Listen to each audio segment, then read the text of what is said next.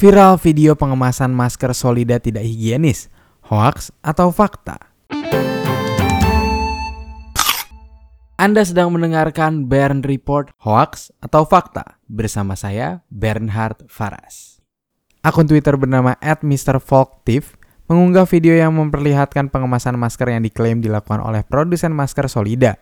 Namun, dalam video tersebut menunjukkan pengemasan masker dilakukan secara sederhana di lantai sehingga tidak higienis. Pada unggahan video tersebut, akun @mrfolktif menyertakan keterangan sebagai berikut. Apa? Astaga, jorok banget. Pak polisi tolong usut video yang beredar ini. Informasi tersebut adalah keliru.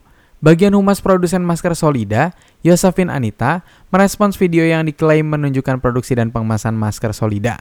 Anita membantah bahwa proses pengemasan masker yang tidak higienis itu terjadi di pabrik mereka. Ia menegaskan, produk masker Solida yang mereka pasarkan diproduksi sesuai standar dan dapat dipertanggungjawabkan. Anita menyebut produk masker Solida telah memegang sertifikat produksi dan sertifikat cara produksi alat kesehatan yang baik atau yang biasa disebut CPAKB. Akun resmi Instagram @solida.proteksi mengunggah video yang memperlihatkan pabrik masker Solida yang sebenarnya pada hari Jumat 21 Februari 2020. Unggahan tersebut bertujuan untuk membantah klaim video yang menunjukkan pengemasan masker Solida dilakukan secara sederhana dan tidak higienis. Informasi ini telah dikonfirmasi oleh beberapa media seperti Liputan 6, Kompas, dan Detik.